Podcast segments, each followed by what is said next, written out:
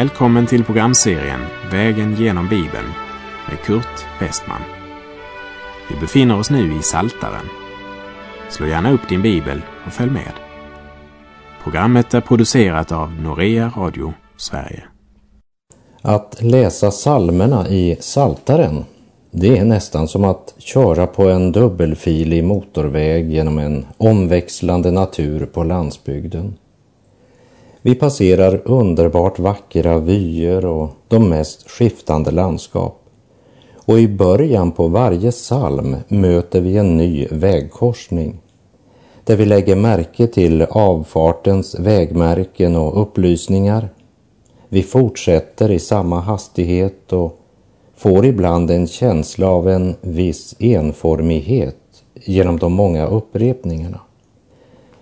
Med några små variationer så är landskapet något av detsamma. Och det gäller speciellt efter att vi passerat psalm 119. Vi formligen susar fram på motorvägen tills vi plötsligt kommer till psalm 137. När vi kommer till den punkten så saktar vi ner farten. När vi ser att vi närmar oss slutet på motorvägen och vi ser de skyltar som ger oss en förklaring om att vi närmar oss en punkt där vi har stopplikt. Och vid stoppskylten ser vi ytterligare två skyltar som säger Se upp och lyssna. Och på den första skylten stod det alltså stopp, det vill säga stanna upp. När vi kommer till den här salmen så ser vi att det är en salm som är det motsatta av en välsignelsesalm. För på skylten eller vägmärket vid den 137 salmen står det en förbannande salm. Någon säger kanske, ja, en skylt med den texten får i alla fall inte mig att stanna eftersom jag ändå inte vet vad den betyder. Men låt mig få säga dig att förbannande, det betyder att det är en psalm som uttalar en förbannelse. Det vill säga en psalm som uttalar en bön eller en önskan om hämnd. Lyssna bara till psalmens sista vers. Salig är den som griper dina späda barn och krossar dem mot klippan. Det är verkligen ett vägmärke som är både rött och stort. Det är minst sagt chockerande. Och den har ju också skapat många problem. Det är många som undviker det här vägmärket genom att köra en omväg istället.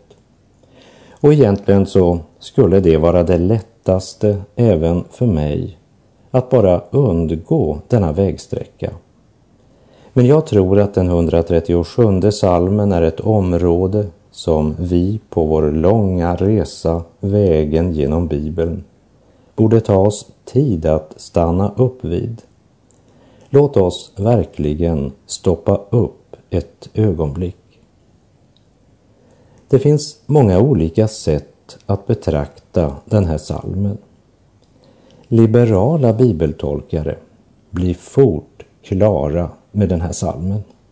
De avfärdar den helt enkelt med kommentaren att den hör inte hemma i Bibeln. Det säger man därför att salmen i sin avslutning uttrycker det motsatta av vad de tycker att den borde säga.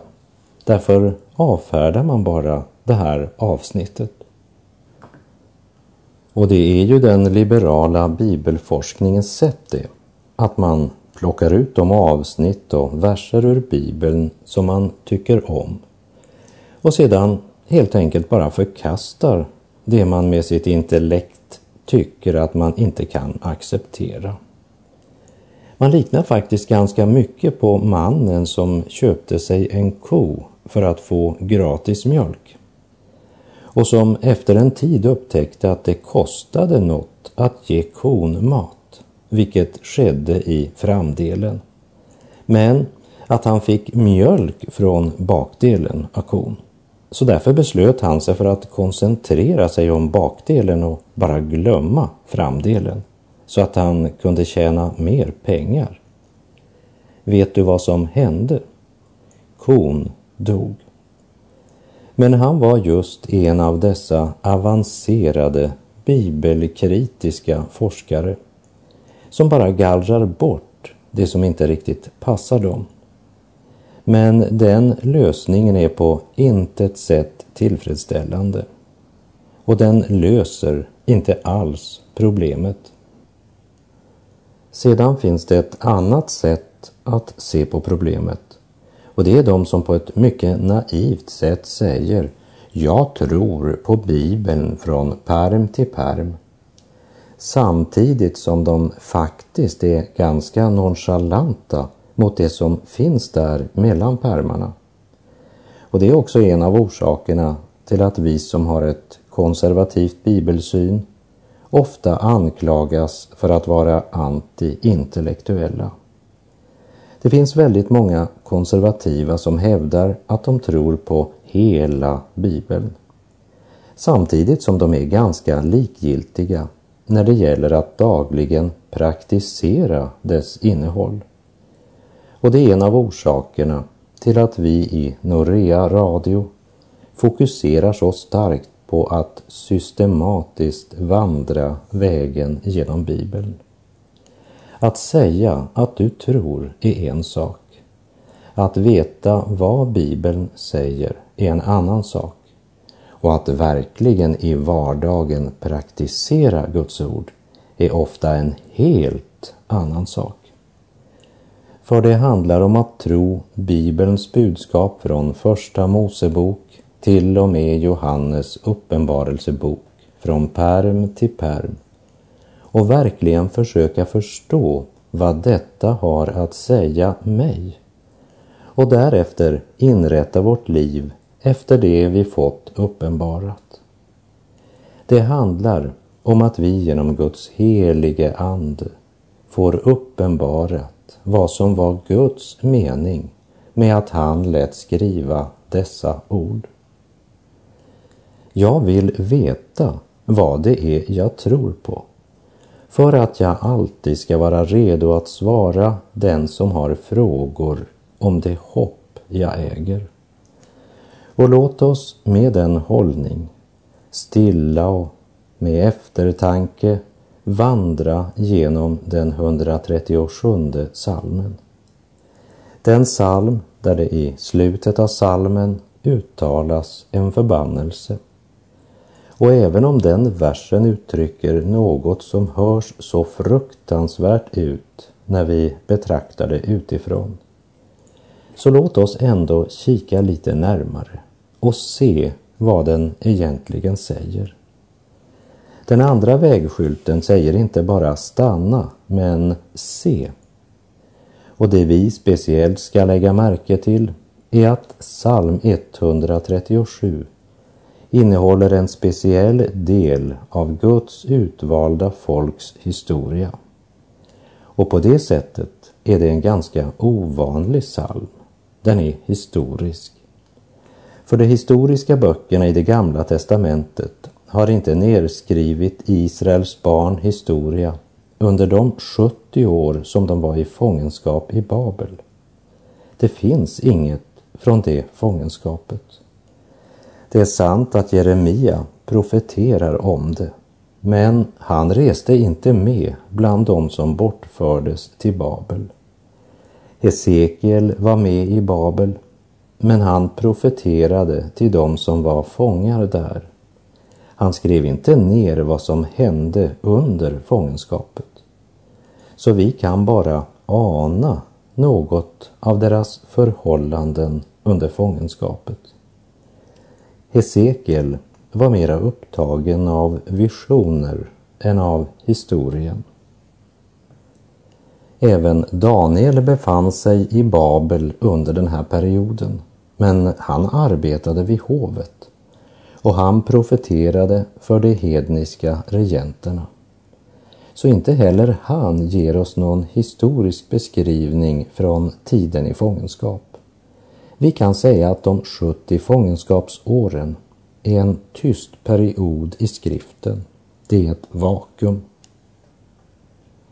De två kungaböckerna och de två krönikerböckerna för oss helt fram till den tid då Israel bortfördes i fångenskap och staden Jerusalem blev fullständigt ödelagd. I raden av historiska böcker kommer sedan Esra, Nehemja och Ester som tar upp den historiska tråden efter 70 års fångenskap när folket återvänder till sitt land. Fångenskapet i Babel hoppas helt enkelt över i skriften. Varför? Jo, därför att när Guds folk är ute ur löfteslandet så stannar Guds klocka. Och därför återger inte Bibeln något från den tiden. Vilket gör psalm 137 mycket intressant eftersom den bygger en bro över den breda flod av stillhet som ligger mellan tiden före fångenskapet och tiden efter fångenskapet. Den 137 salmen är som en utsiktsplats på den väg vi vandrar där vi kan stanna ett ögonblick och få ett litet perspektiv på det landskap som vi aldrig färdades genom på vår resa. Vi ser inte så väldigt mycket, men vi ser i alla fall något ifrån den tysta perioden. På det tredje vägmärket som satts upp vid vägkanten står det Lyssna. Det har blivit ställd en fråga i vers 4. Hur skulle vi kunna sjunga Herrens sång i främmande land? Jag är inte säker på att den frågan kan besvaras för detta folk. Och jag är inte heller säker på om den frågan idag kan besvaras för dig och mig heller, med mindre än att vi är redo att ställa oss in under vissa villkor och krav. Hur kan vi sjunga Herrens sång i ett främmande land? Den 137 salmen återger en tragisk erfarenhet som mitt i det tragiska ändå blev en erfarenhet av Guds trofasta omsorg under 70 års fångenskap. I den här salmen kommer vi att möta både det bittra hatet och den varma, djupa kärleken. Du kommer att möta ett folk som är både överväldigade och starkt genomträngda av sina känslor. Det handlar om deras starkaste och djupaste känslor nertecknade i den 137 salmen.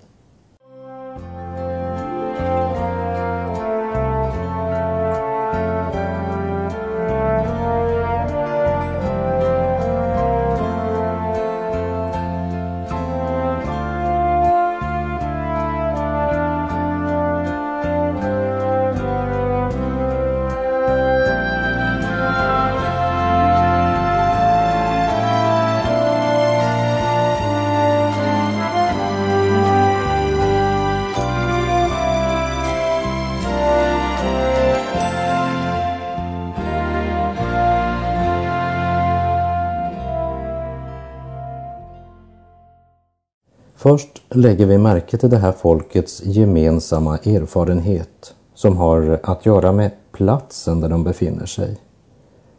Psalm 137, vers 1. Vid Babels floder satt vi och grät när vi tänkte på Sion. Vid Babels floder.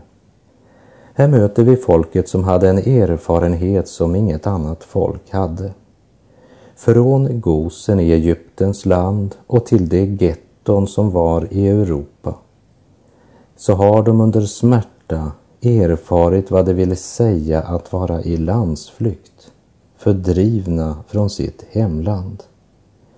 Och det säger jag utan att på något sätt därmed vilja förringa den erfarenhet som många har idag som varit tvungna att lämna sina hemland och fly till ett annat land. Men Israels barn, de visste vad det ville säga att vandra från tegeltillverkningen i Egypten till Babels kanaler. De visste vad det ville säga att leva som slavar i fiendens arbetsläger. Vid Babels floder, det var en plats där de var förföljda, där de utförde slavarbete, en plats där de led vid Babels floder. Och då måste vi fråga oss, vad gör de där? Först av allt måste vi säga, de hade inget alls där att göra. Gud hade givit dem Kanans land och satt dem där. Och Gud hade lovat att bevara dem där till ett vittnesbörd för alla folk så länge som de vandrade i gemenskap med Gud. Varför är de då vid Babels floder? Floderna i Babel var i stor utsträckning kanalerna. Jag tror att det är ganska allmänt känt idag att det var dessa människor som grävde dessa kanaler vid Eufrat och Tigris floder. Och kanalerna gick genom de här områdena för att konstbevattna landet. Så här handlar det om människor som från solens uppgång och till solens nedgång grävde och grävde och grävde sin väg genom det heta och torra låglandet. Vid Babels floder, där satt vi och grät. Vilken beskrivning av ett folk i djupaste förtvivlan. Vilken förskräcklig desperation. Ligger det väl inte i de här orden? Där satt vi och grät. Vad kunde vi annat göra än gråta, gråta och gråta? Vid Babels floder där satt vi och grät när vi tänkte på Sion. Saltar salmerna är lovsångens och lovprisningens bok framför andra. Salmerna uttrycker glädje, underbar tro, hopp och förtröstan. Men inte den här salmen. Vi grät och vi grät när vi tänkte på Sion. Vilken kontrast det var mellan Jerusalem och Babel. Jerusalem där uppe på Sions höjder med sitt underbara läge, med Guds tempel som folkets samlingspunkt, med kungens palats och med den underbara utsikten ifrån Sions berg. Babel som flödade av synd och Guds förakt. Där hettan i det konstbevattnade låglandet var förtärande och där vattenkanalerna man grävde var det enda man såg. För det var allt slavarna fick se. Och i kanalerna såg man bara ett hopplöst och ändlöst slaveri. Där döden var den enda befriaren. Vilken kontrast det var mellan Jerusalem och Babel. Israels barn är inte här därför att de vill vara där. De är där därför att fienden har besegrat dem. De är där därför att deras stad är lagd i ruiner. Ja, därför att Babels folk var starkare än vad de var. Och de hade tagit dem till fånga och drivit dem som en flock djur till Babel. Och där blev de tvungna att utföra ett hårt slaveriarbete. När de går till vila för natten har man bara en sak att vänta av morgondagen, nämligen ett fruktansvärt slaveri vid Babels floder. Slaveri, förnedring, ångest och fruktan. Nu har de verkligen hemlängtan. Tankarna går till Jerusalem. Vi grät när vi tänkte på Sion.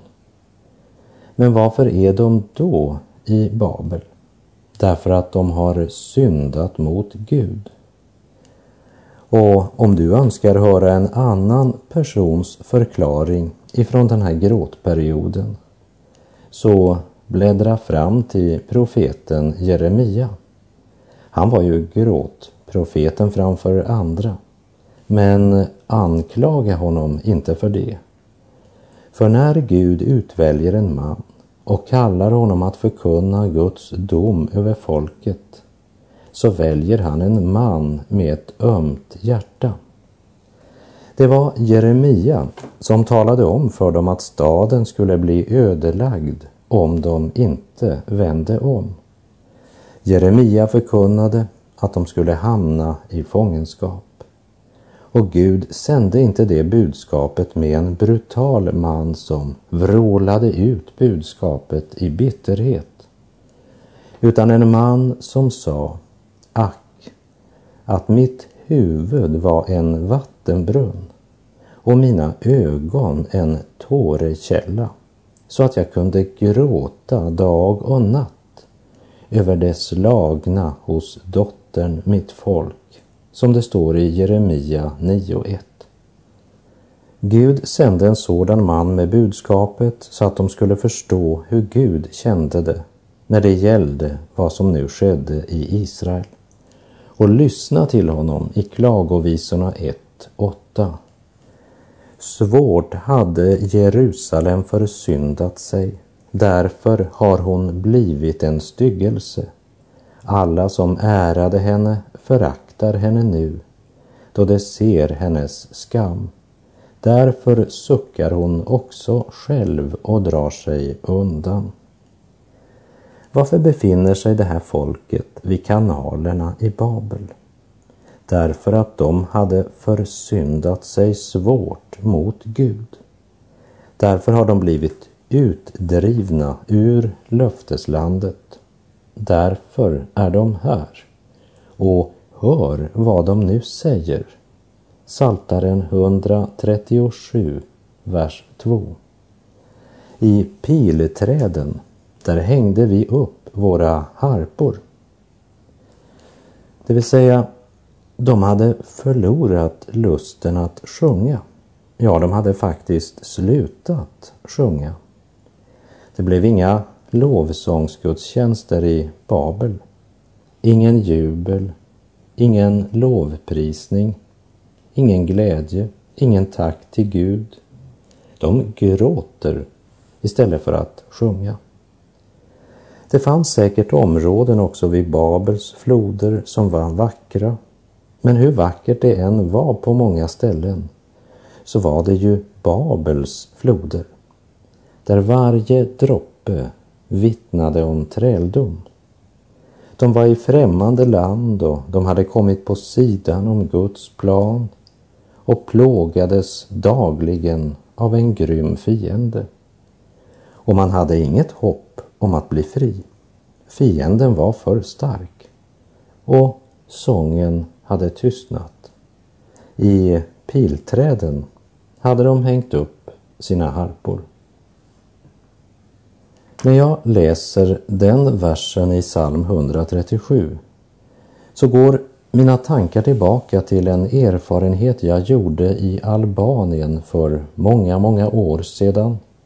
I den tid då järnridån delade Europa i öst och väst och Albanien hölls i ett järngrepp av kommunismen och av Ramis alia. Redan första dygnet under mitt uppdrag i Albanien så undrar jag vad det var som gjorde att Albanien upplevdes så totalt annorlunda än de övriga östländer jag hade utfört uppdrag i. Men den andra dagen i landet så fick jag veta något som jag först faktiskt inte kunde tro men ändå senare fick bekräftat. Det var förbjudet att sjunga i Albanien.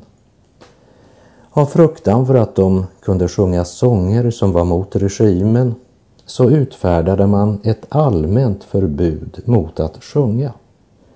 Samtidigt som man på varje hotell hade fastanställda folkdansare och sångare som skulle visa turisterna hur fria och glada det albanska folket var. Och atmosfären i Albanien var mycket deprimerande. En tung och trist atmosfär vilade över landet i en långt större grad än jag upplevt i något av de övriga öststaterna.